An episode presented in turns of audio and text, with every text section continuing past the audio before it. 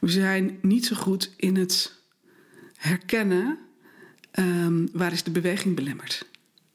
Dus we voelen het wel, maar vervolgens er iets mee kunnen doen en dat kunnen hanteren, daar zijn we niet zo goed in. Ja. Ja, en vragen, weet je, vragen is maar een vorm. Net zoals dat opstellingen maar een vorm is. Andere vormen zijn uh, uh, aandacht voor je lichaam, je ademhaling, kwaliteit van aanwezigheid, jezelf organiseren. Het zijn allemaal verschillende manieren om die kennis van systemisch werken uh, gewoon nu te gebruiken. Zonder voorwaarden, Ja. zonder dat je eerst moet mediteren of hier ook aanzetten. Gewoon hier nu. Zo. Siets Bakker is expert op het gebied van systemisch werken en denken. Ze is trainer en keynote speaker en ontwikkelde de prachtige methode Raken Vragen, waar een kaartspel, boek en zelfs een app van is gemaakt. Bij Raken Vragen richt je je niet zozeer op het probleem zelf, maar bekijk je het probleem meer als onderdeel of een symptoom van iets anders. Dit kijken naar het onzichtbare voorbij het probleem, naar datgene wat het probleem veroorzaakt, fascineert mij enorm. Richten we ons niet te veel op problemen en zijn we niet voortdurend bezig heel hard aan het gras te trekken om het te laten groeien? Het lijkt wel alsof Siets moeiteloos het ene na het andere idee realiseert. Het stroomt bij haar, zoals ze dat noemt. Wat is dat onzichtbare waarmee Siets werkt? Hoe laat ze haar ideeën en energie stromen? En hoe houd je die stroom op gang? Hoe kunnen we onze dromen, doelen en ideeën realiseren door ons te richten op het onzichtbare? Wat fijn dat je er bent, Siets. En wat fijn dat ik hier mag zijn. Ik word helemaal verlegen, Ruben. Ja. Waarin, waarin zit hem dat? Ja, nou wat je zegt, ja. Ik denk, ja, eigenlijk is het wel zo. En eh, voor mij is het heel gewoon. En als ik je zo hoor zeggen, denk ik, eigenlijk is het ook wel een beetje bijzonder. Ja, ja want Ja. Het, het, het klinkt mij bijna als een gave in de oren dat je, dat je onzichtbare dingen kan zien. Hoe doe je dat? ja. Ja, nou ja, onzichtbare dingen zien. Ja, als je het zo zegt, klinkt het wel heel erg eh, Disney. voor mij is het eigenlijk heel erg nuchter.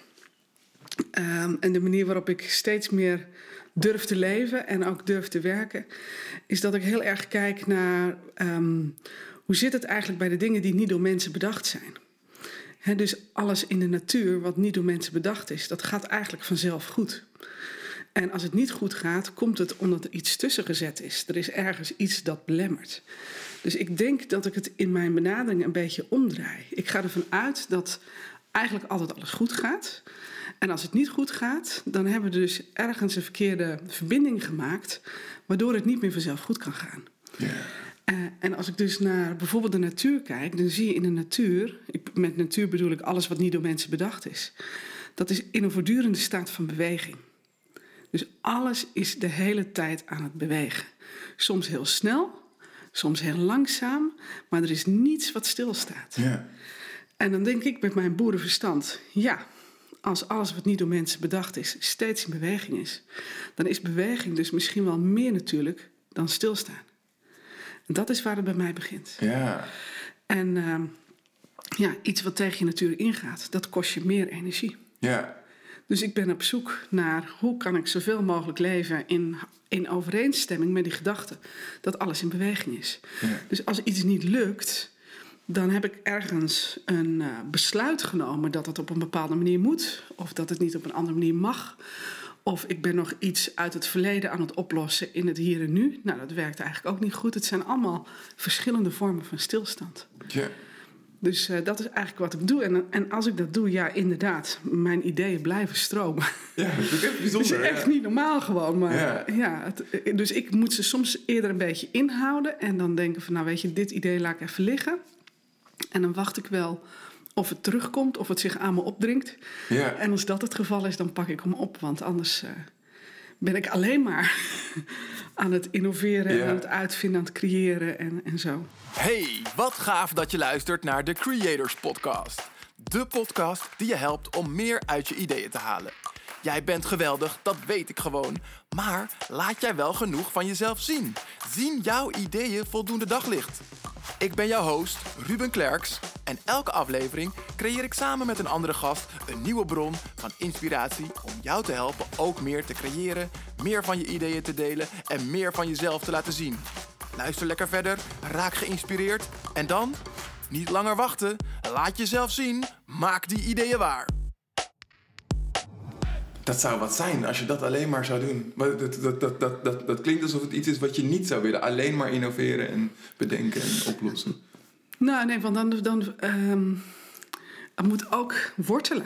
Ja. Het moet ook kunnen wortelen en je moet ook even rust kunnen nemen en het, en het kunnen delen en het laten groeien. En dus eh, steeds opnieuw met iets nieuws beginnen, ja, dat zou prima kunnen. Maar dat, dat, dat brengt me niet echt vervulling, zeg Nee. maar. De vervulling zit meer in dat ik zie dat het van betekenis is voor andere mensen. ja. Ja.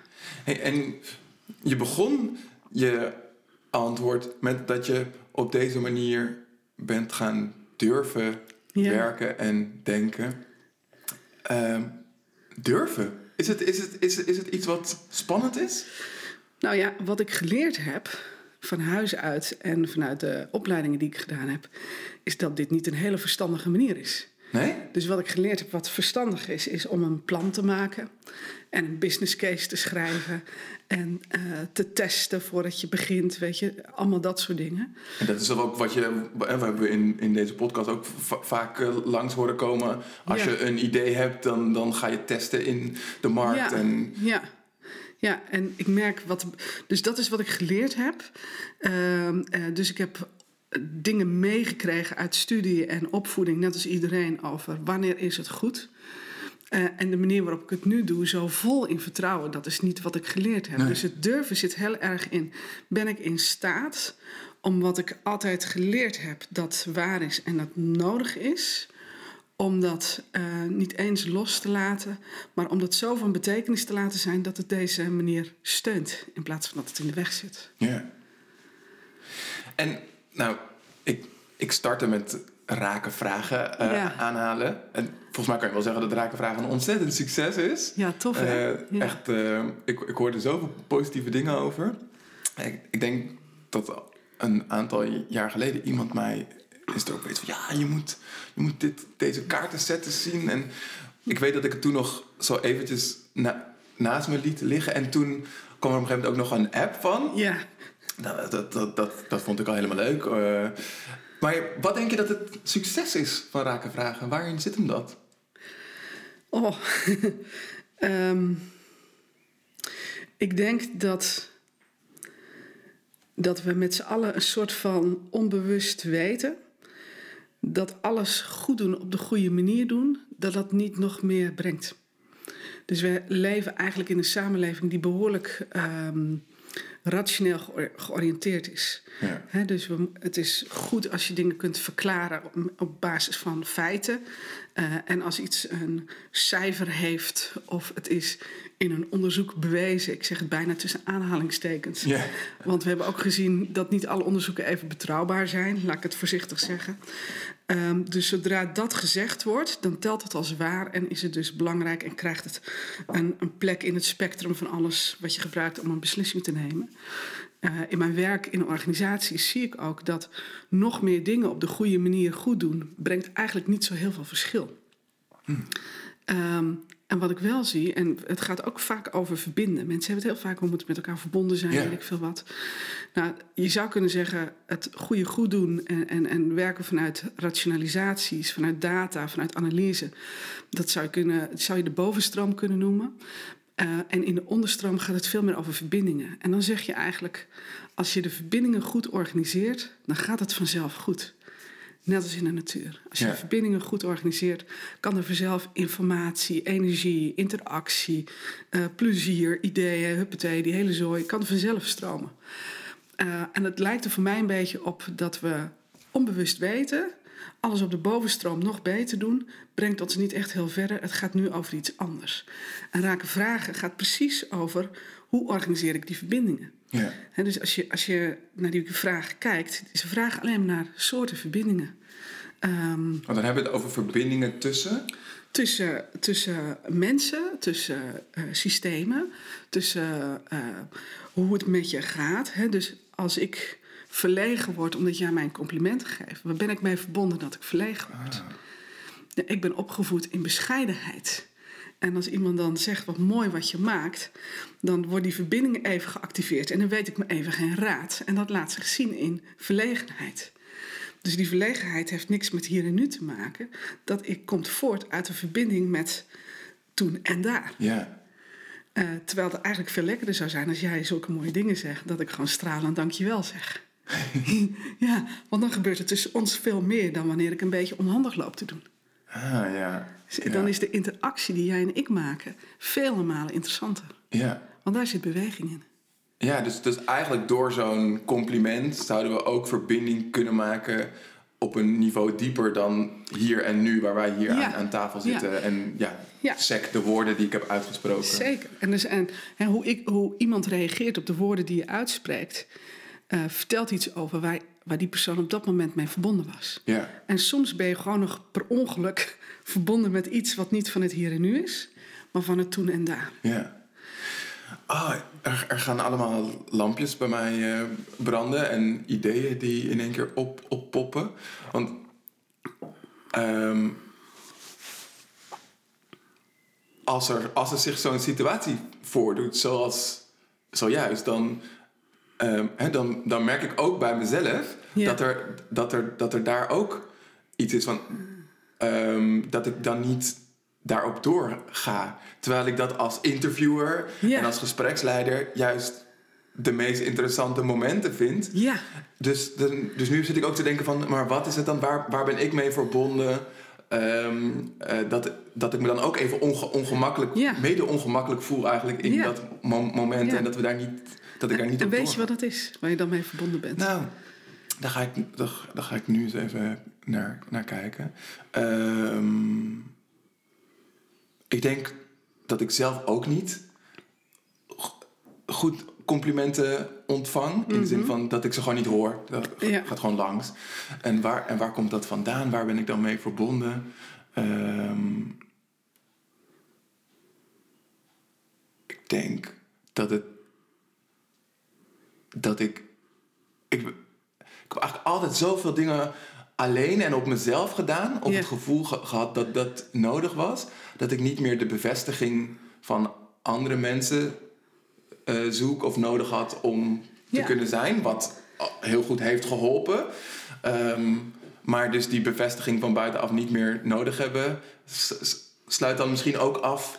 Ja. eh, dat, eh, dat Ja, kan dus, iemand nog steeds een oprecht com- compliment geven wat je ja, binnen kan dus de bevestiging van buitenaf heb je als bron helemaal afgesloten. Ja, Omdat je gewoon niet geleerd hebt hoe je die moet herkennen of hoe je die kunt hanteren.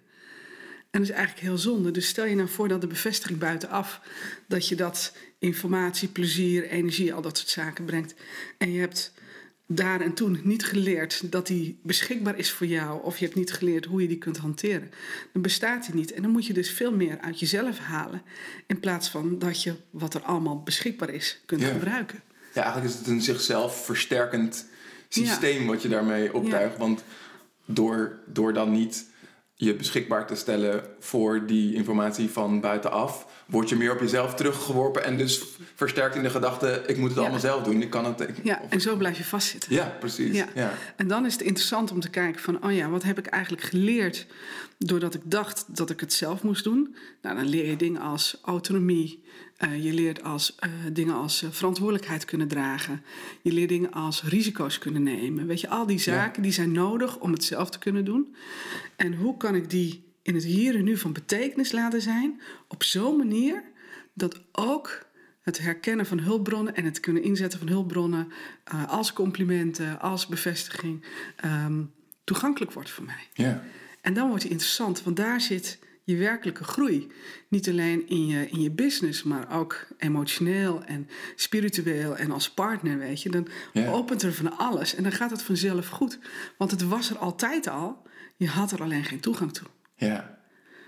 Dus hoe, hoe meer je dat voor jezelf kunt organiseren en er open voor staat, hoe makkelijker het leven gaat. Ja, ja, mooi. Ja, en als je dan kijkt bij. Want ik denk dat raken vragen daar een supermooi middel Ja. voor zijn Ja, ehm, om tot die lagen te komen. Ehm, ja omdat ze gaan over de verbinding. precies. En ik word altijd heel blij als iemand zegt: Oh, maar het gaat dus helemaal niet om het antwoord. Nee, het gaat niet om het antwoord. En het gaat ook niet om de vraag, het gaat om wat er tussen de vraag en het antwoord gebeurt. Dat is het stuk waar het interessant is. Want dat is waar je door die vraag moet gaan onderzoeken welke verbindingen zijn geactiveerd en helpen ze me eigenlijk wel. Of ze brengen je op een idee van hé, hey, die verbinding was ik helemaal vergeten. Oh ja, maar als ik dat inbreng in dit verhaal, dan wordt er ineens iets heel anders mogelijk. Ja. Oh, wat goed. Ik moet, ik moet opeens denken, en dit, dit verhaal heb ik nooit gedeeld, omdat ik er heel erg over twijfel. Wat, wat, wat, wat zeg ik er nou eigenlijk mee? Maar mijn jongste zoon, Lodi, die is drie. En toen hij twee was en hij een beetje begon uh, te leren te tellen, um, had hij, had, had, hij eigenlijk altijd dat als we uh, eigenlijk 1, 2, 3, dat is, dat is simpel. En hij, hij kon ook zeg maar die volgorde tellen, 1, 2, 3, 4, 5. Maar als hij dan iets aanwees, als ik vroeg van eh, hoeveel st yeah. staan hier, en dat altijd bij 2, yeah. zei hij 3. Dus, oh, dus ik, ik, ik wijs, hier op tafel staan twee glazen. En dan vroeg ik hoeveel glazen staan hier? En dan zei hij 3. En bij, bij, bij alle andere dingen die ik aanwees, kon hij precies het getal zeggen van, van Ja. 1 tot en met 3, 4. Maar bij 2 werd het altijd 3. En ik zat te denken van, hoe, hoe kan dat nou? En op een gegeven moment dacht ik van, ja, maar wat nou als hij meer ziet dan dat ik zie? Als hij kan zien dat er tussen die twee glazen ook iets is. Oh, dat is het derde. Nou, dat... Ja, En ik, ik denk eigenlijk dat nu nu we het hier zo over, over hebben, dat het daarover gaat. Dus er zit iets tussen die vraag en het, en het antwoord. exact. Ja. Ja. En dat is ook waar het in de onderstroom over gaat. Dus dat je, dat is mijn klok, sorry. Oh, goeie. Ja, gewoon een koeksklok. Een koekoeksklokje. Dus in de onderstroom kijk je niet echt naar wat zijn precies de feiten, maar waar horen de feiten bij? Waar zijn ze deel van? Uit welke verbindingen zijn ze ontstaan? Dus je neemt de informatie tussen de feiten door, Ja, ja. net zozeer mee als eh, de feiten zelf. Eh, maar je zet, die feiten zet je dus niet centraal. Nee. Nee. Ik vind het wel leuk om Ja. eens te kijken eh, voor de luisteraars of we, of we ook kunnen ontleden wat dan zo'n rake vraag is. Dus Ja. hoe werkt het? Heb je, heb je een voorbeeld van een rake vraag? Aan de hand waarvan we het misschien mee kunnen. Ja, en een vraag die heel lang mijn favoriet is geweest. Ik heb nu een andere. eh, maar die heel lang mijn favoriet is geweest is... Hoe oud is dit? En het is een hele korte vraag. Het is ook een hele rare vraag. Ik heb hem bijna nooit hardop gesteld. Maar als ik naar iemand luisterde, dan had ik deze vraag in mijn hoofd. En eh, ik werk als organisatieadviseur, dus dan was ik bij een opdrachtgever en die had dan eh, een probleem of iets waarvoor ze me mogelijk wilden inhuren, gingen ze erover vertellen. En en in dat soort situaties, degene die erover vertelt, die is expert in zijn eigen probleem. En voordat hij zover is dat iemand als ik aan tafel zit, heeft hij er al honderd keer over nagedacht en hij heeft zeker dertig oplossingen geprobeerd. Ja. Of zij natuurlijk. Dus die is echt expert, die weet precies waarom dingen niet lukken en wat er allemaal wel en niet bij hoort. Dus als ik luister, luister ik daar absoluut niet naar. Want ik kan nooit zoveel weten als dat die persoon zelf weet. Dus ik luister op een andere manier. En een van de ehm, vragen in mijn hoofd is dus hoe oud is dit? En dan luister ik naar hoe vaak zou deze persoon dit in zijn of haar leven al tegengekomen zijn? Is dit de eerste keer dat Ah, iemand ja. met zo'n soort probleem te maken heeft? Of kent deze persoon dit probleem in vele varianten? Dan, zoek, dan zoek je eigenlijk naar waar is dit een symptoom van in plaats van Ja, wat dus- is dit probleem. Ja, dus ik zoom heel erg uit. Dus wat jij net vertelde over ehm, ehm, dat je dingen zelf deed en, en alleen deed, kans is heel groot dat je in je volwassen leven diverse malen in situaties terecht bent gekomen waarin je het zelf hebt moeten doen en dat ging je prima af. Ja. En, en dan in dat moment kun je klagen: hey, sta ik weer in mijn uppie te ploeteren? of ben ik weer opnieuw het wiel aan het uitvinden? Maar het is ook eh, hoe jij het doet. Ja. En als ik dus eh, luister naar zo iemand en ik zou bijvoorbeeld kunnen vragen: Goh, weet je, is dit een compleet nieuw probleem of heb je dit al vaker ontmoet? En die zegt: Ja, nee, dit is al de zesde keer. In mijn vorige baan had ik het ook. En Ja. dan weet ik dat ik in een ander domein moet zijn. En dat dus het probleem deel is van een groter verhaal. Ja, en dus ehm, eh, is het de eerste keer of is het al, eh, eh, heb je het al vaker meegemaakt? Is eigenlijk een variant of een voortvloeisel Ja. op die vraag hoe Ja, oud is dit? Het is een wat fat- fatsoenlijkere versie van hoe oud is dit? Ja, want de vraag hoe oud is dit snappen sommige mensen waarschijnlijk niet. Nee, dat is ook een beetje Ja. raar om hardop te stellen. Dus dat doe ik zelf eigenlijk ook niet. Maar ik kan ook luisteren naar via hoe oud is dit? Als iemand mij dat probleem uitlegt. En dan fantaseer ik even, als niet deze persoon deze functie zou hebben, maar iemand anders zou deze functie hebben. Zou ik dan verwachten dat er min of meer hetzelfde besproken zou worden? Of kan ik me gemakkelijk voorstellen dat het over iets heel anders zou gaan? En dan opnieuw, ja, het is pure fantasie hè, wat ik doe. Ja. Maar het helpt me wel om te organiseren waar moet ik ongeveer zijn. En dan kan ik dat daarna testen via een vraag of een hypothese kan ik voorleggen. Ehm, en stel dat er iemand is die helemaal gestrest is over oh, het probleem en ik moet het oplossen en ik ben verantwoordelijk voor u. Dat gebeurt soms. En dan vraag ik, stel je voor dat iemand anders deze functie gehad zou hebben. Zou ik dan hetzelfde gesprek voeren of is het een heel ander gesprek? En dan gebeurt er gelijk iets ehm, bij die persoon ook. Want ik vraag eigenlijk, eh, check even een paar verbindingen. En dan verandert eigenlijk het probleem waar we het over hebben, verandert van betekenis. Ja. En dan eh, ontstaan er gelijk nieuwe mogelijkheden. Ik heb wel eens gehad in zo'n gesprek dat waarvoor ik gevraagd werd om te komen, dat na een half uur dat het niet meer bestond. Omdat door mijn vragen de verbindingen zo anders georganiseerd Ah. Dat die persoon wist, oh maar ik, ik weet eigenlijk gewoon wat ik kan doen. Nou, wauw. ja, Dat, Ja. dat, dat is, dat is ook een succes, dat is toch? heel gaaf. Ja, dat is echt super gaaf. Ja. Ja. Dus, dus dat is een voorbeeld van zo'n rake vraag. Hoe oud is dit? En het is een rake vraag omdat die gaat over de verbindingen. Hij onderzoekt de verbindingen. Het is eigenlijk een soort van uitnodiging om ernaar te kijken. Er zit geen mening in. Het zal wel vijf jaar oud zijn of eh, wat dan ook. Ehm, eh, en eh, het zoomt een beetje uit. Dus het laat los van de feitelijke omstandigheden waar het op dat moment over gaat. Maar het zoomt een beetje uit. Eh, laten we de verbindingen eens onderzoeken. Misschien is het wel veel ouder dan alleen hier en Ja. nu. En dan hebben we dus met iets anders te maken. Wat ik er ook mooi aan vind is... Ik heb je wel eens in, in andere gesprekken gehoord over... dat als je een goede rake vraag stelt... dat je ook uitnodigt om een, een grotere ruimte te, te onderzoeken. En, Ja, en, en daarin her- herkende ik heel erg dat we heel vaak vragen stellen... die eigenlijk de ruimte beperken. Waarmee je als vragensteller misschien wel ehm, bepaalt...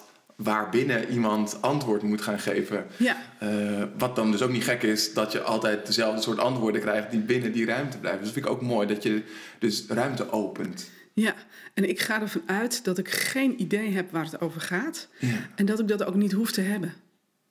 ja. En ik vind- dat in- interessant, want ik- to- toen jij dat ook vertelde van als iemand dan zijn probleem deelt, eh, dat, je, dat, dat je eigenlijk weet van ja, diegene kent dat probleem al helemaal, heeft er al dertig keer eh, misschien eerder over nagedacht. Ehm, en, en, en dat dat niet hetgene is waar, wat voor jou van belang is, maar dat het er meer dus gaat over de verbindingen en de onderliggende symptomen. Daarbij zat, zat, zat ik ook te, te denken van, ik heb ook heel vaak als ik met iemand bijvoorbeeld een intake heb, dat diegene gaat een verhaal afsteken over zijn probleem. En dan denk ik dat ik denk van. Eigenlijk zou ik nu heel goed moeten opletten, want dit is Ja. waarvoor ik binnen ben gekomen en waarvoor ik word ingehuurd. Maar ik vind het, ik kan me daar niet op concentreren. Ik kan, Ja. kan, er, kan er niet naar luisteren soms. Ja. Ehm. En dan, als jij van jezelf weet, Ruben, dat je iemand bent die heel goed kan luisteren. En iemand die heel gemakkelijk zich kan concentreren en die aandacht heeft voor anderen. Ehm, en dan in zo'n ontmoeting heb je dat niet. Ja. En dan is de vraag die je aan jezelf kunt stellen: waar reageer ik op dat ik me niet kan concentreren? En gebrek aan concentratie en aandacht is gewoon hele lage energie.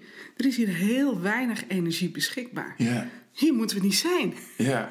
Dus wat kan ik doen om het gesprek in een andere richting te brengen waar meer energie is? Ja. En ehm, eh, een vraag die ik wel eens hardop gesteld heb in zo'n situatie, want ik ken ze natuurlijk ook, is bijvoorbeeld: geloof je nou zelf dat dit gaat helpen? Ja. Nee, zegt iemand. Geloof je dat het belangrijk is dat ik dit allemaal weet? Ja. En wat maakt dat het belangrijk is dat ik dit weet? Eh, zodat je me goed begrijpt, zodat je de situatie goed begrijpt. En dan zeg ik, ja, wat je dan eigenlijk doet, is dat je me uitnodigt om met jou in te zoomen Ja. op wat er allemaal aan de hand is. Eh, en ik denk als ik dat doe, dat ik je daarna ook onschuldig kan verklaren. Jij kunt er echt niks aan doen hoor, dat je deze problemen hebt. Ja. ja, nee, want je hebt inderdaad alles geprobeerd. En nou, het is toch echt heel rot. Ik zeg maar, dat brengt niet verder. Dus ik, ik blijf liever op een positie waarin ik kan uitzoomen. En om te kunnen uitzoomen moet ik een beetje onthecht zijn van de inhoud. Ja. Dus liever luister ik niet naar wat je me inhoudelijk precies vertelt. Laten we afspreken dat jij daar de expert over bent en dat ik dan expert ben in een uitgezoomde positie, zodat ik makkelijker verbindingen kan waarnemen. Want daar heb je Ja. het aan. En dan als ik verbindingen waarneem, dan kan ik een suggestie doen om in een ander gebied te zoeken waar je nog niet geweest bent. Ja. Wauw. Ja, ja, dat kunnen jullie eh, in de podcast niet zien, maar eh, er gebeurt van alles in mij. Eh, dus ik heb allemaal situaties voor me, die, kortjes die, die vallen. Noem er eens.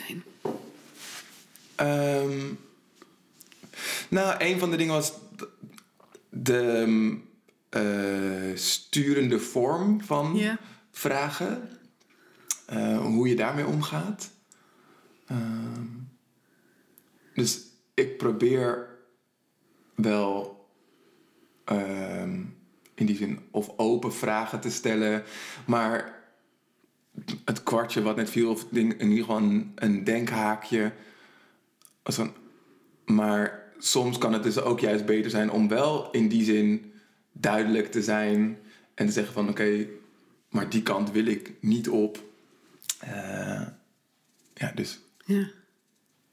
Dus soms moet je in de bovenstroom zijn, waarin je gewoon echt informatie nodig hebt. En Ja. in de bovenstroom, hier zitten de acties. En dan ga je dingen doen, dan neem je besluiten, dan maak je plannen.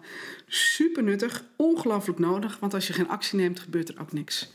In de onderstroom gaat het over de verbindingen. Dus dan zeg je eigenlijk welke context heb ik gemaakt waarin het vanzelf goed kan gaan. ja, Dus je hebt ze alle twee nodig. Je hebt zowel de actie nodig als de eh, context met de verbindingen nodig. Dus het is veel meer een kwestie waar moet je zijn. En over het algemeen leven de meeste mensen alleen in de bovenstroom. Ja. Het begint wel aardig te veranderen nu hoor. Ik denk ja dat waar, dat- waar, waar merk je dat? nou, omdat we uitgeput raken van alleen maar bovenstroom dingen doen. Omdat we in de bovenstroom, als je meer van hetzelfde doet, als je een probleem oplost die eigenlijk een symptoom is, blijf je eindeloos problemen oplossen. En je komt niet echt vooruit, omdat ja, als je een, een symptoom als probleem behandelt, komt die gewoon terug. Precies, of in een andere vorm. Maar Ja, een klein bezig. beetje Ja. anders, Ja. hè, net genoeg anders om, om, om er niet iets van te vinden. Ja. Dus dat zie je vaak in eh, organisaties bijvoorbeeld. Hè? Als, een, als het moeilijk is om een functie te vervullen. Hè, dan, de eerste die gaat weg, want die heeft een betere baan gekregen. Dan de volgende gaat na drie maanden weg, want ehm, nou, die eh, gaat met zwangerschapsverlof. En dan weer de volgende, die functioneert niet. Dus als je inzoomt, denk je, het heeft niks met elkaar te maken. Het zijn drie totaal verschillende situaties. Ja. En dan als je uitzoomt, zeg je: Jeetje, wat voor bijzonders is er hier aan de hand? Dat het niet lukt om op die stoel te blijven zitten. ja. En dan krijg je iets heel anders. Ja. Dus je hebt beide nodig. Je, je hebt zowel de acties nodig als eh, het onderzoeken van de verbindingen nodig. En, en, en hoe weet je hoe en wanneer je daartussen schakelt? Wanneer ga je vanuit dat analytische naar dat systemische, van die boven naar die onderstroom en weer terug? Nou ja, het, we leven in een eh, cultuur die sterk bovenstroom gedomineerd is. Dus het handigste is om daar te beginnen. Ja. En te zeggen, nou, daar, daar leef ik eigenlijk. Tenzij ik zagrijnig word van dingen die leuk zouden moeten zijn. Tenzij eh, de dingen die ik doe me uitputten. Ja. Of dat ik er niet werkelijk in geloof. Of eh, dat ik mijn aandacht en concentratie verlies. Dat zijn echt indicatoren Ja, eh, ja, dat ja. het over iets anders gaat. En dan ga je even naar de onderstroom. Dan onderzoek je daar de verbindingen. Bijvoorbeeld met raken vragen. Of op alle andere manieren die je kent. En dan weet je meer over de verbindingen. En dan, ja, je, je hebt automatisch nieuwe ideeën over wat je vervolgens kunt doen op de bovenstroom. Ja, ja dat, dat vind ik interessant. Dus, en in, in mijn introductie zei ik ook van dat het bij jou vanzelf lijkt te gaan en dat het, dat het, dat het helemaal stroomt. Ehm, ik hoor hier, hier, hier ook in dat dus energie en enthousiasme, plezier eigenlijk leidraden daarin zijn. Als dat er is, dan is het goed. Ja, Als dat ontbreekt, dan weet je, hey, dit is een signaal om misschien dieper te kijken wat er, wat er aan ten grondslag ligt. ja, dus de basishouding is dat je weigert om het jezelf slecht te laten gaan. Ja, mooi. Want in principe gaat alles van nature goed. Ja. Ah. Bomen groeien vanzelf, gras groeit vanzelf. Als je eraan trekt, groeit het echt niet harder. ja. Dat Hoe- weten we. Hoe, hoe, hoe kijk jij dan aan tegen de hele persoonlijke ontwikkelingsbranche, kan ik het wel noemen tegenwoordig, die, die zo focust op ehm, het moet anders, je moet veranderen en, en, en daarmee vaak impliceert dat, dat, ja, dat, je, dat je eigenlijk nu niet goed genoeg bent en, of dat het misschien nu niet stroomt. Ja, ik, ik heb eigenlijk, kijk, ze mogen doen wat ze willen. Gelukkig, ja. Ze mogen ja, en, en vervolgens doe ik ook wat ik doe en wat ik wil en wat ik in geloof. En wat doe jij anders dan eh, als je, als je, als je de persoonlijke ontwikkelingsbranche zou, zou analyseren? Misschien een beetje grote. Ehm, ja, ik, ik, het is grappig, want ik voel een aarzeling in mijn lichaam Ja? om je vraag te beantwoorden. Ehm, dus dan check ik even, hé, waar reageer ik op dat ik aarzel? Ehm, voor een deel ken ik die wereld niet goed genoeg. Dus wie ben ik om er iets over te zeggen? En mijn aandacht is eigenlijk veel meer bij mij. Hoe doe ik het? Ja. Eh, en bij de mensen met wie ik werk, hoe gaat het met hun? Eh, wat heb ik te bieden eh, wat beweging brengt? En dat is waar ik ben. Eigenlijk, eigenlijk doet het er niet toe wat die anderen doen. Want Ja, dat is van hun. Ja. En ehm, wat ik ook zie, zeg maar in bovenstroom, en ook als het gaat over persoonlijke ontwikkeling, als iemand nog niks gedaan heeft met zichzelf of zichzelf nog niet zo kent, dan zijn een aantal bovenstroomtechnieken zijn uiterst behulpzaam. ja. Omdat je dan ja, even die eerste stapjes maakt en die zijn dan in aansluiting met wat je kent uit je opvoeding en uit je onderwijs en, en wat makkelijk landt hier in Ja. westerse cultuur. Dus dat is super behulpzaam. Ehm, een aantal NLT-technieken, sorry, NLP-technieken, eh, weet je, de DISCs, de. MBTI, de insights, al die zaken, dat zijn redelijk bovenstroom georiënteerde technieken. Maar die kunnen je wel helpen om naar jezelf te leren kijken en jezelf andere vragen te leren stellen. En nu je dit zo zegt, denk ik ook dat het technieken zijn die een soort van laagdrempelige eerste manier openen om wel Ja, eh, naar dat systemische niveau te kijken. Want als je het hebt over waardeonderzoek doen, wat jij belangrijk vindt, dan kan je bekijken vanuit analytisch Ja. niveau. Maar het is eigenlijk ook een opening om te kijken naar die onderliggende verbindingen. ja, dus als je het in de onderstroom eh, zou onderzoeken, welke waarde heb je, Ja. eh, op de systemische lagen, dan kijk je automatisch naar de grotere systemen waar Ja. je deel van bent. En in systemisch werk zeg je, er bestaat niet zoiets als een particulier individueel eh, iemand. Je bent altijd deel van iets groters. Dus wat jij vindt en hoe je je gedraagt en wat belangrijk is, is gevormd door de manier waarop je bent opgevoed. Ja. Dus het is nooit alleen van jou. Nou, dat is iets heel anders dan wat je bijvoorbeeld bij eh DISC of MBTI of Insight of zo doet. Want daar wordt het wel benaderd alsof het van jou is, een karaktereigenschap van jou. Ja. Dus, en dat is ook waar, maar het is een hele andere benadering. En ik denk gewoon, ja, wat voor je werkt, gebruik je. ja. En wat niet werkt, dat laat je achter je. En eh, wat toch fijn dat er zoveel verschillende smaken zijn. Ja, heerlijk hè? Ja. Ja.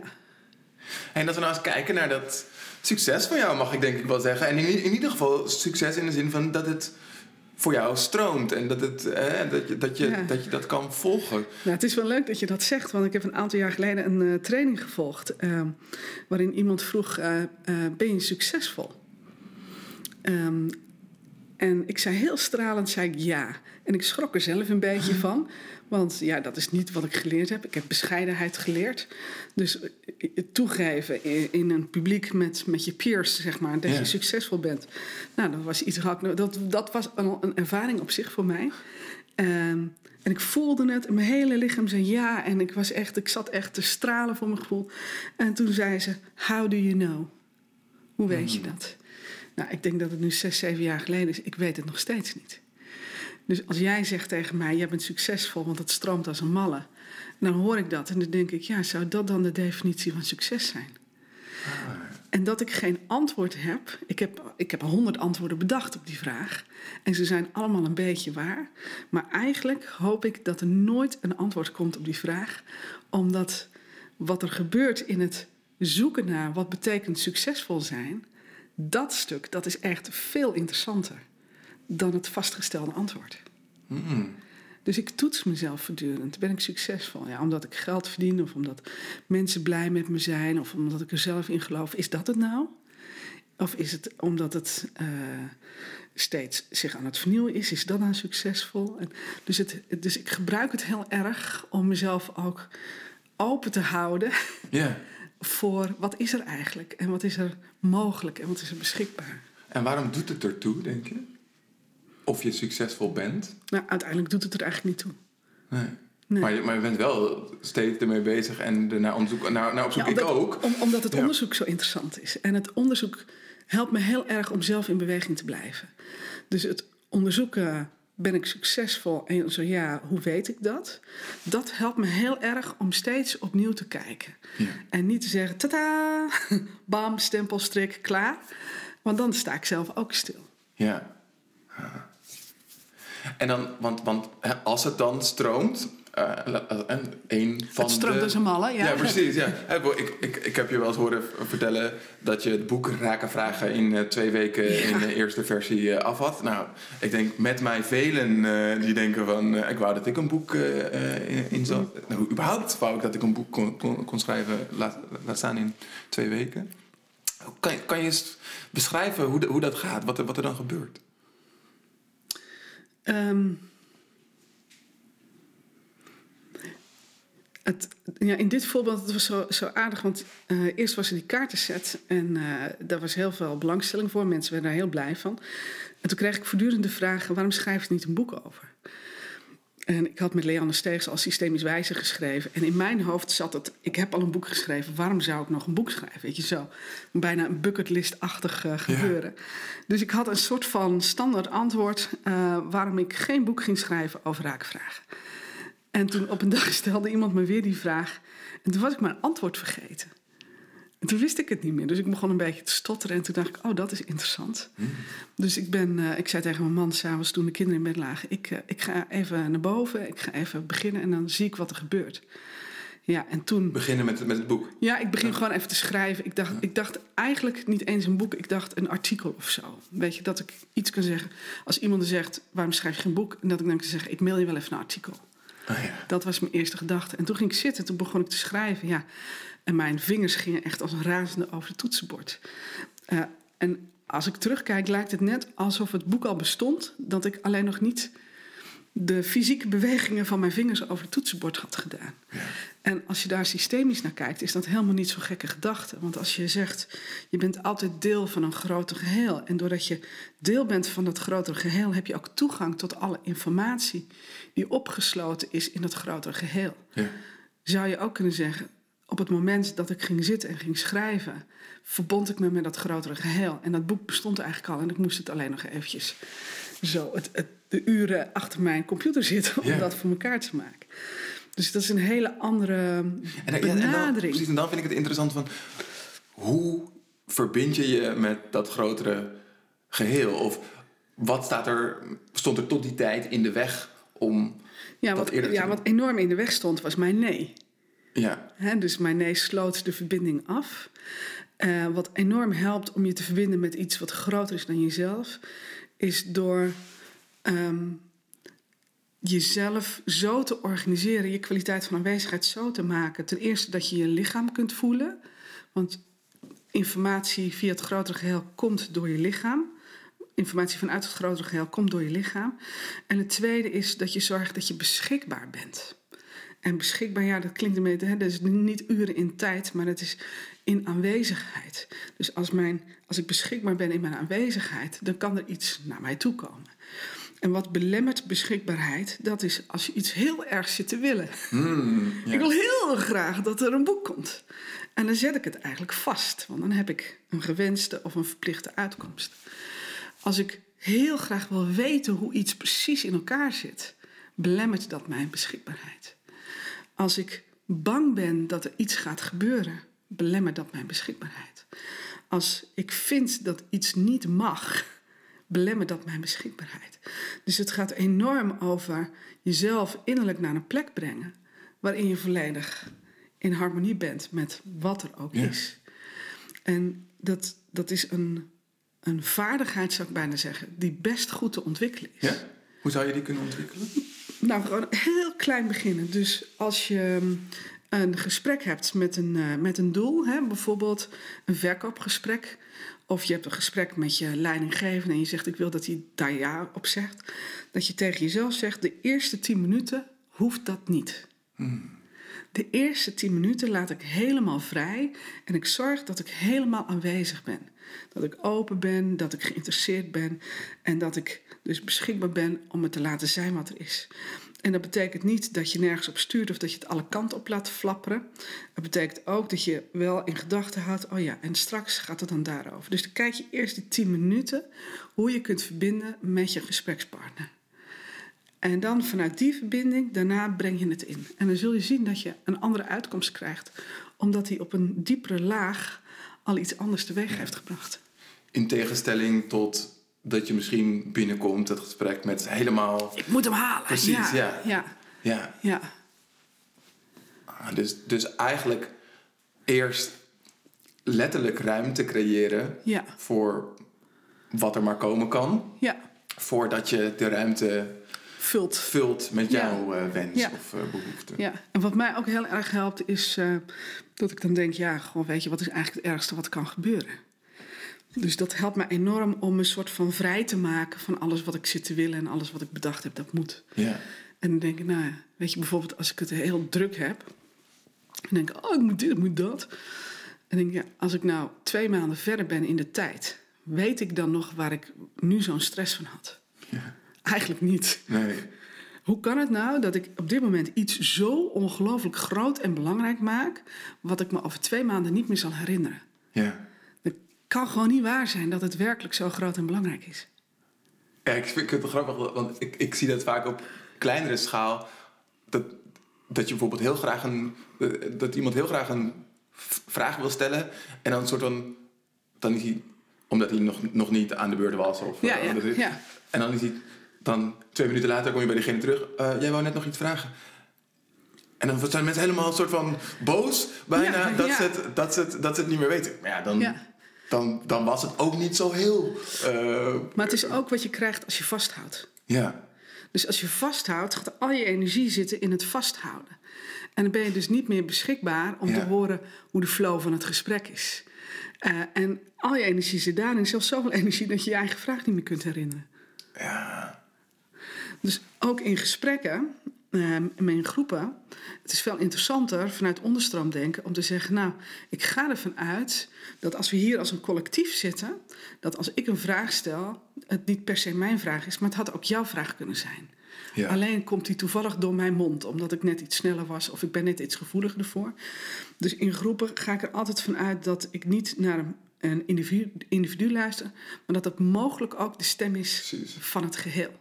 Dat is ook wat, wat een, een onderliggend principe van deep democracy is, toch? Dat, je, Ja, ja, dat, dat, dat wat in de groep speelt, ja. ook in het individu speelt en andersom. Ja, exact. Ja. En deep democracy eh, en systemisch werken overlapt op een aantal punten. Dat is ook niet zo gek.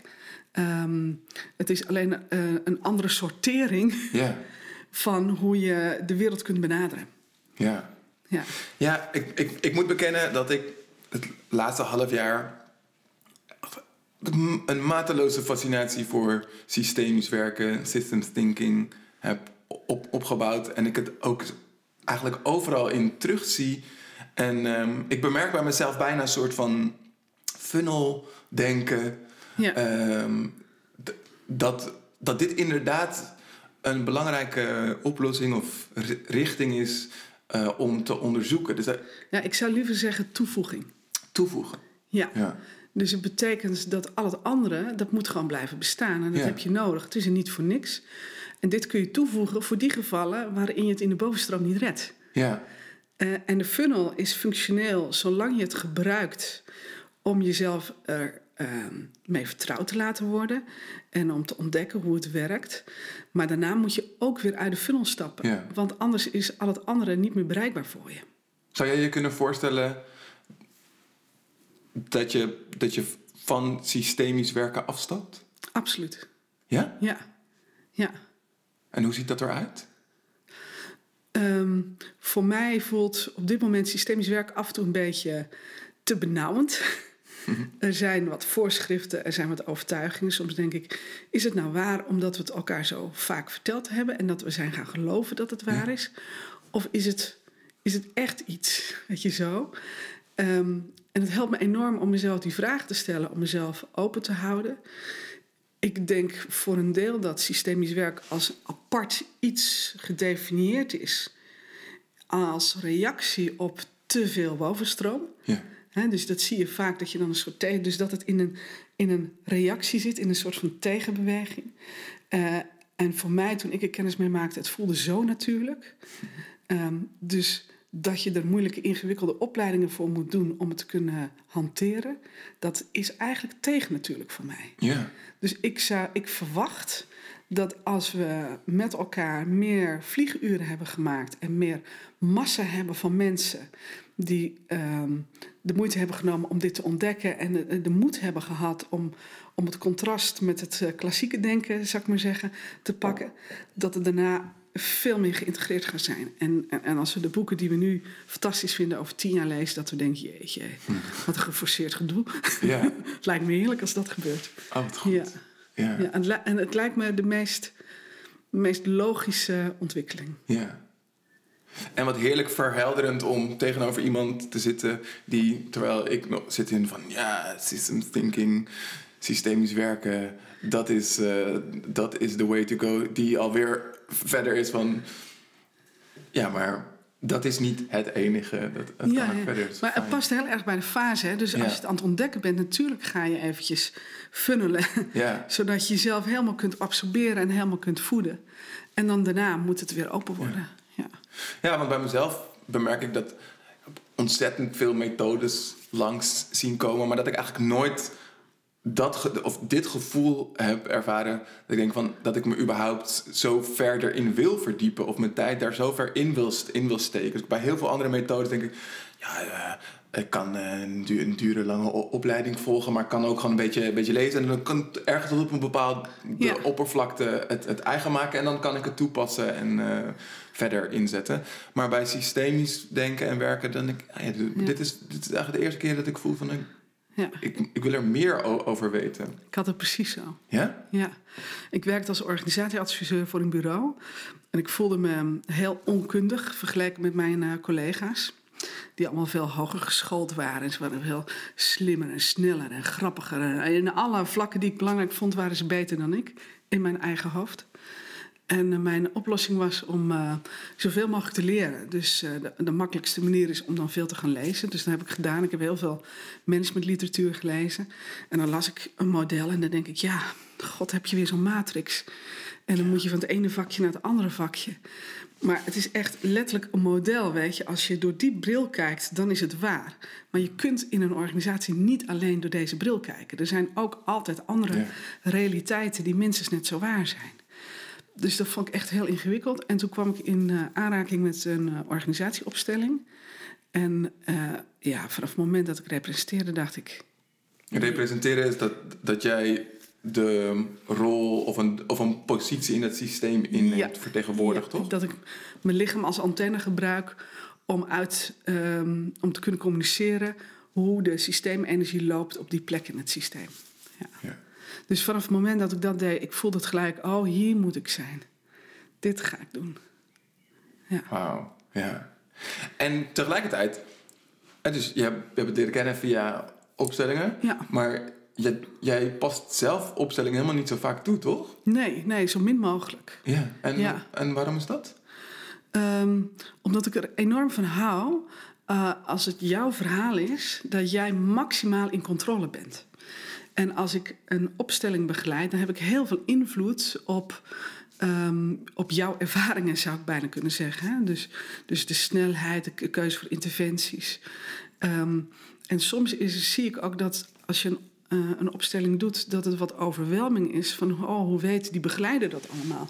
Ja, die weet dat niet. Dat is gewoon de techniek goed inzetten en de kennis bestond al. Je wist het alleen nog Ja. niet.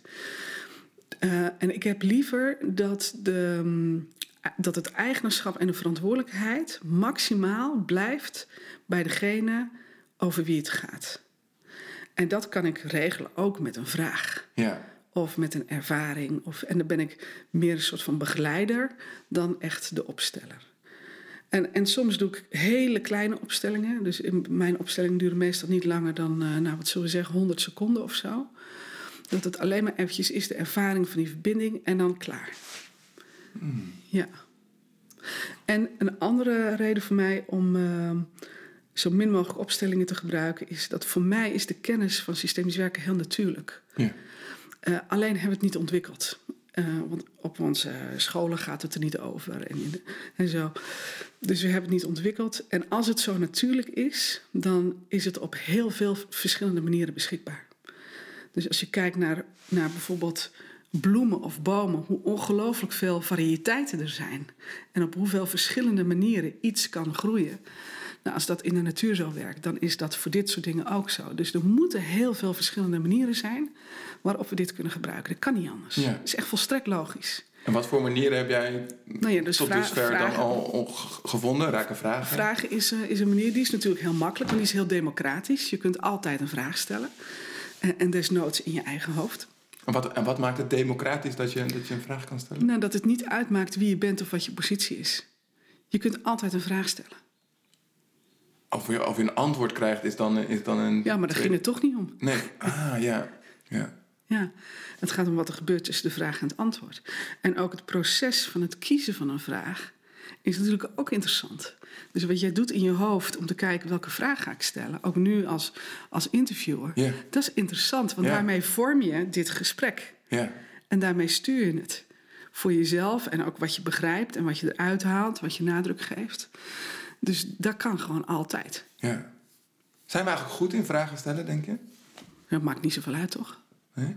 We zijn niet zo goed in het herkennen um, waar is de beweging belemmerd.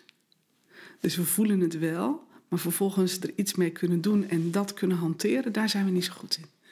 Ja. ja. En vragen, weet je, vragen is maar een vorm. Net zoals dat opstellingen maar een vorm is.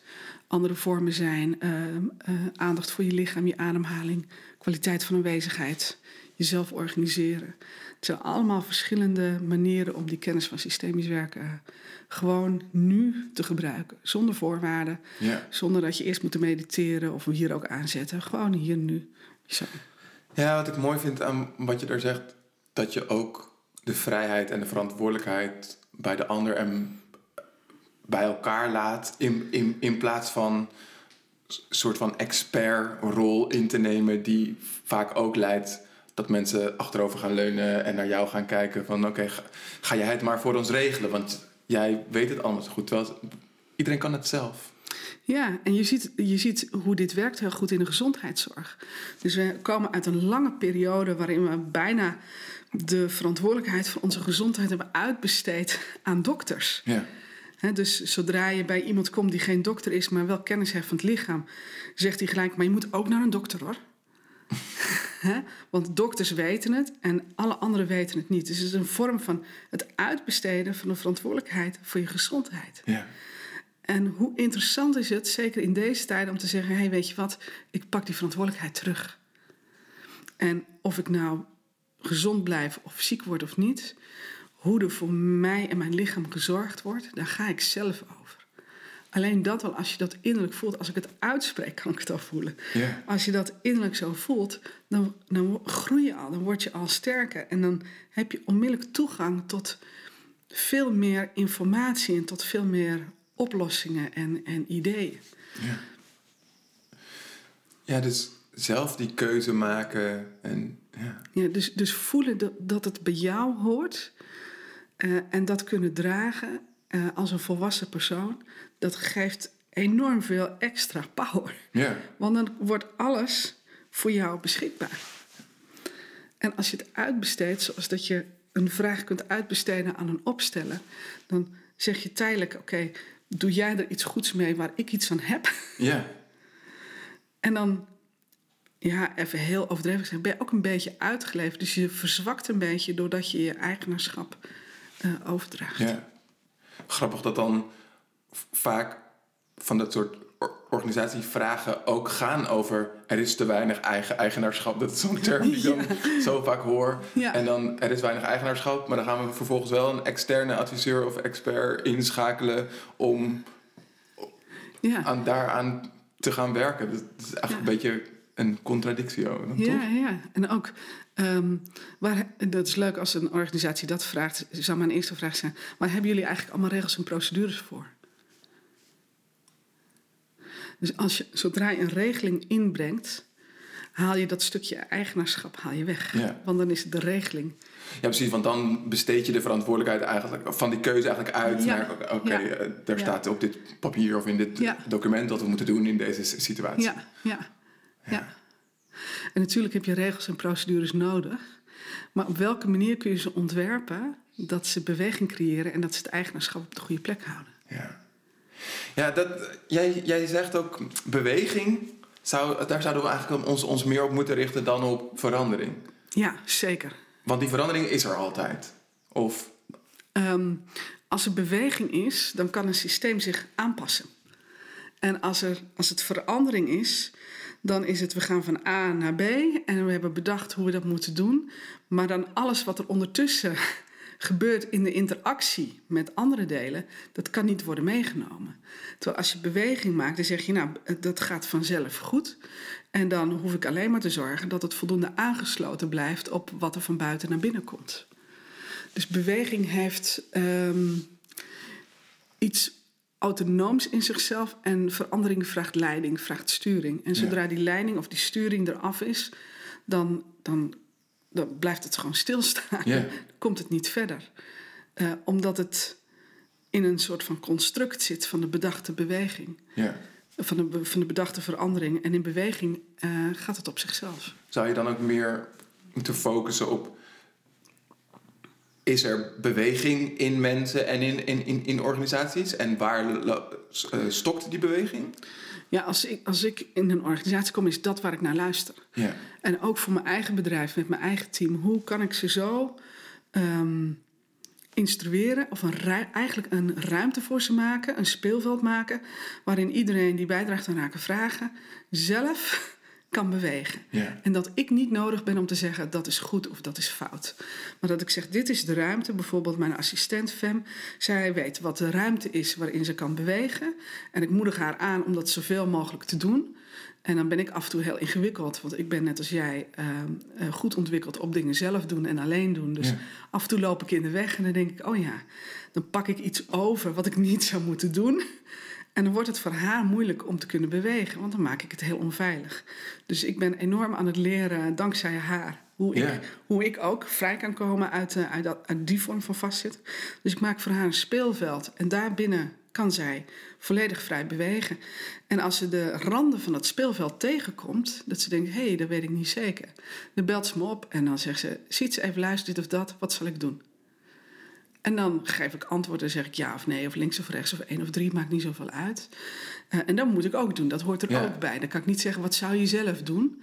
Want dan creëer ik, dan, dan eh, ondermijn ik het speelveld, dan ondermijn ik de grenzen, maak Ja. ik het onveilig, kan ze niet bewegen. Dan denk ik, oeh, wat is het goede antwoord? Ja, ja, ja. precies, Ja. ja. Dus ehm, wat kan ik bieden, welke context kan ik maken waarin iemand vrij kan bewegen? Mooi.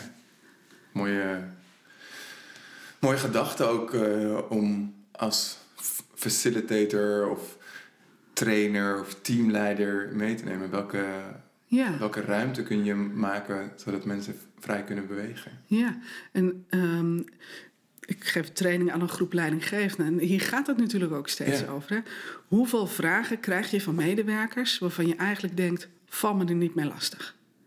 Als je die heel vaak krijgt, moet je dus veel meer aandacht besteden aan het speelveld. En dan zeg je eigenlijk tegen je medewerker: binnen dit speelveld kun je vrijelijk bewegen.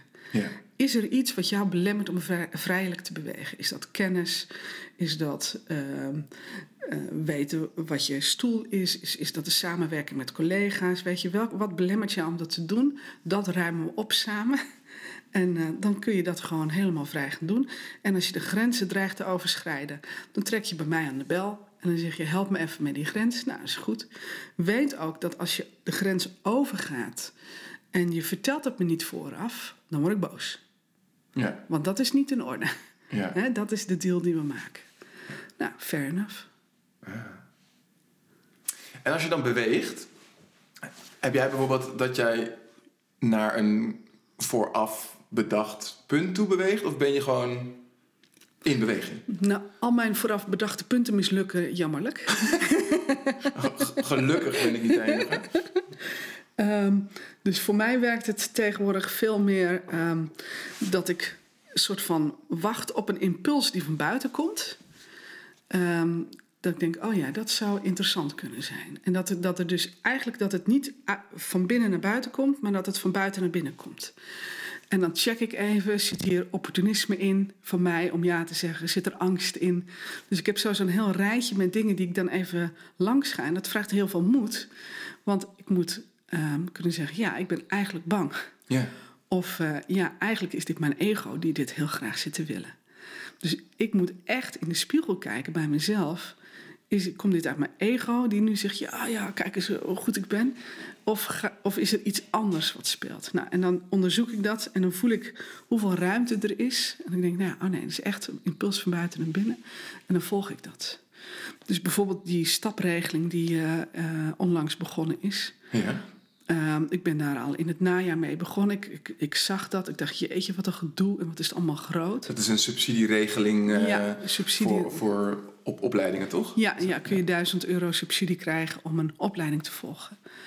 En ik zag dat voorbij komen. En normaal bij dat soort dingen is dat iets wat heel erg buiten mij zich afspeelt. En nu, nu trok het steeds mijn aandacht. Dus ik dacht, jeetje, wat interessant. Waarom trekt het steeds mijn aandacht? Dus ik ben het gaan onderzoeken en ik heb allerlei dingen ondernomen om als opleider in aanmerking te komen. Dat is ook gelukt. En toen dacht ik, jeetje, er is hier zo'n mooie subsidieregeling. Waar is die eigenlijk voor bedoeld? Dus ik ga op zoek naar het leidende principe. Ja. En het leidende principe is mensen die niet op andere manieren opleidingen kunnen volgen om te zorgen dat ze duurzaam inzetbaar blijven, de gelegenheid geven om zich op te leiden. Wat fantastisch. Ja. Wat fantastisch. Dus dat is. Oh ja, toen dacht ik, wat kan ik in mijn huidige aanbod sluit dat aan? Deels. Dus ik heb een nieuwe training ontworpen die helemaal in aansluiting is met het leidende principe van deze subsidieregeling. En die heb ik aangeboden. Ja, en dat gaat als een malle. Er is ongelooflijk veel belangstelling voor. Het is een beetje overweldigend uh, zelfs. Dat we denken, jeetje, wat tof. Nou, dat is echt een voorbeeld van als je in, in overeenstemming bent met de beweging die er al is, Ja. hoe gemakkelijk dingen kunnen gaan. ja, en mooi dat je dus daarin wel die stap maakt van dat je even bedenkt van oké, maar wat is het leidende principe Ja. hierin? En dus eigenlijk voorbij het platte concept kijkt van er wordt geld beschikbaar gesteld om een training te volgen. Ja, maar en geld heeft een, een armoedige energie. Dus geld is, als je dat centraal stelt, Ja. Wordt het geheel altijd armer in plaats van rijker. Dus geld is meer een gevolg en het is meer een, een uitwisselingsiets dan dat je het centraal moet stellen. Ja. Tot slot. Ehm, wat, wat hoop je dat er het, eh, dat er het komende jaar nog eh, gebeurt en zich on- ontwikkelt? Toch, toch even die stip. Die de- jammerlijk gaat mi- mislukken natuurlijk, zoals je net zei. Voor mezelf heb ik, eh, voor mijn eigen bedrijf en, en zo, heb ik, heb ik dat niet. Nee? Heb ik helemaal en niks, gewoon helemaal leeg. Ehm, ik ben de moeder van drie tieners. Dus dat is waar ik naar kijk. Hoe, hoe kunnen die zich weer vrij voelen in wat er op dit moment gaande is in de wereld? Dus een van mijn kinderen eh, is heel erg bezig met de oorlog in de Oekraïne. En eh, maakt zich daar grote zorgen over. Nou, je, je bent echt veel te jong om je voor over dit soort dingen zorgen te maken. Dus hoe kan ik als moeder eh, mijn kind begeleiden in, in dit? En ook hem helpen om ook zijn kwaliteit van aanwezigheid open te houden. En dat hij niet vanuit angst hoeft te leven. Ja. Dus dat is dichtbij. En ehm, ik, in onze maatschappij, zeg maar hoe het nu gaat, er zijn zoveel mensen bang voor zoveel verschrikkelijke dingen. Als je me vraagt, wat hoop je dat er gaat gebeuren? Ik hoop dat mensen zich een beetje kunnen bevrijden van die angst. Eh, en dat ze weer voluit kunnen gaan leven. Dus ja, wat meer beweging en openheid in het hart. Dat is uiteindelijk, eh, ja, Voluit leven. Wauw, Ja. dat, dat gun ik ook iedereen. Ja, ja, ja. Ja, en als ik het zeg, dan raakt het me ook en eh, word ik er bijna een beetje emotioneel van. Ja? Omdat ik dan zo kan voelen om wat het zou betekenen als we dat met elkaar kunnen doen. Want wat, wat zou dat kunnen betekenen? Nou, dus alle energie die we besteden aan angstgedachten en aan eh, voorzichtigheid en eh, nou ja, alles wat daarbij komt. Als je al die energie beschikbaar zou komen om iets te doen wat goed is voor jou en goed is voor de ander en goed is voor de planeet. Ja, ja dan wordt ik kan ik begin helemaal te stotteren. Ruben. Ja. ja, ja. Want hoe oud is dat, denk je? Dat, dat we dus, dat we dus meer angstgedreven ja. zijn. Nou, dat is een vraag, dan moeten we een fles wijn openen. Ja, nou, dan gaan we dan een Dat is iets te vroeg, Ja. maar eh, nee, Ja. ja. dus dat is, dat is een, eh, een... Dus die is bijna te groot, weet je. Die gaat bijna weg bij mij en dan gaan we erover filosoferen. Ehm, en dat is... Dat is Dan ga je eigenlijk ook uit verbinding. dan ga je Ja. eigenlijk... En bij een fles wijn, daarom maak ik een grapje... bij een fles wijn is dat leuk, weet je... dat je dan sowieso iets hebt. Maar in het dagelijks leven hier en nu... is dat, is dat te ver weg bij mijn dagelijkse ervaring. Dus, Ja. dus da- dat, ja, dat verlamt me dan bijna. Ja, precies. Want daar, daar, daar valt moeilijk ook iets aan te doen. Of, Ja, ik eh, ga er niet over. Dus ik ga alleen over mezelf eh, en wat ik doe en de keuzes die ik daarin maak. En hoe dan pff, dat daar allemaal ontstaan is, dat is voor mij te moeilijk en te groot. Mooi. Dankjewel, Sid. Dankjewel, Ruben. Wat een leuk gesprek. En lijkt het je nou leuk om eh, nog eh, verder te gaan eh, over dit onderwerp? Surf dan even naar onze website thecreatorscompany.com. Want daar heeft Siets een geweldig filmpje voor je klaarstaan met een speciale creatorsvraag en uitdaging. En daar gaat nog een keertje de koekersklok. Eh, die vind je daar misschien ook nog terug. Ontzettend bedankt voor het luisteren en tot de volgende podcast. En in die volgende aflevering praten we nog even verder over systemisch werken. Want dan spreek ik met systemisch teamcoach Annelies Meijers. Tot dan!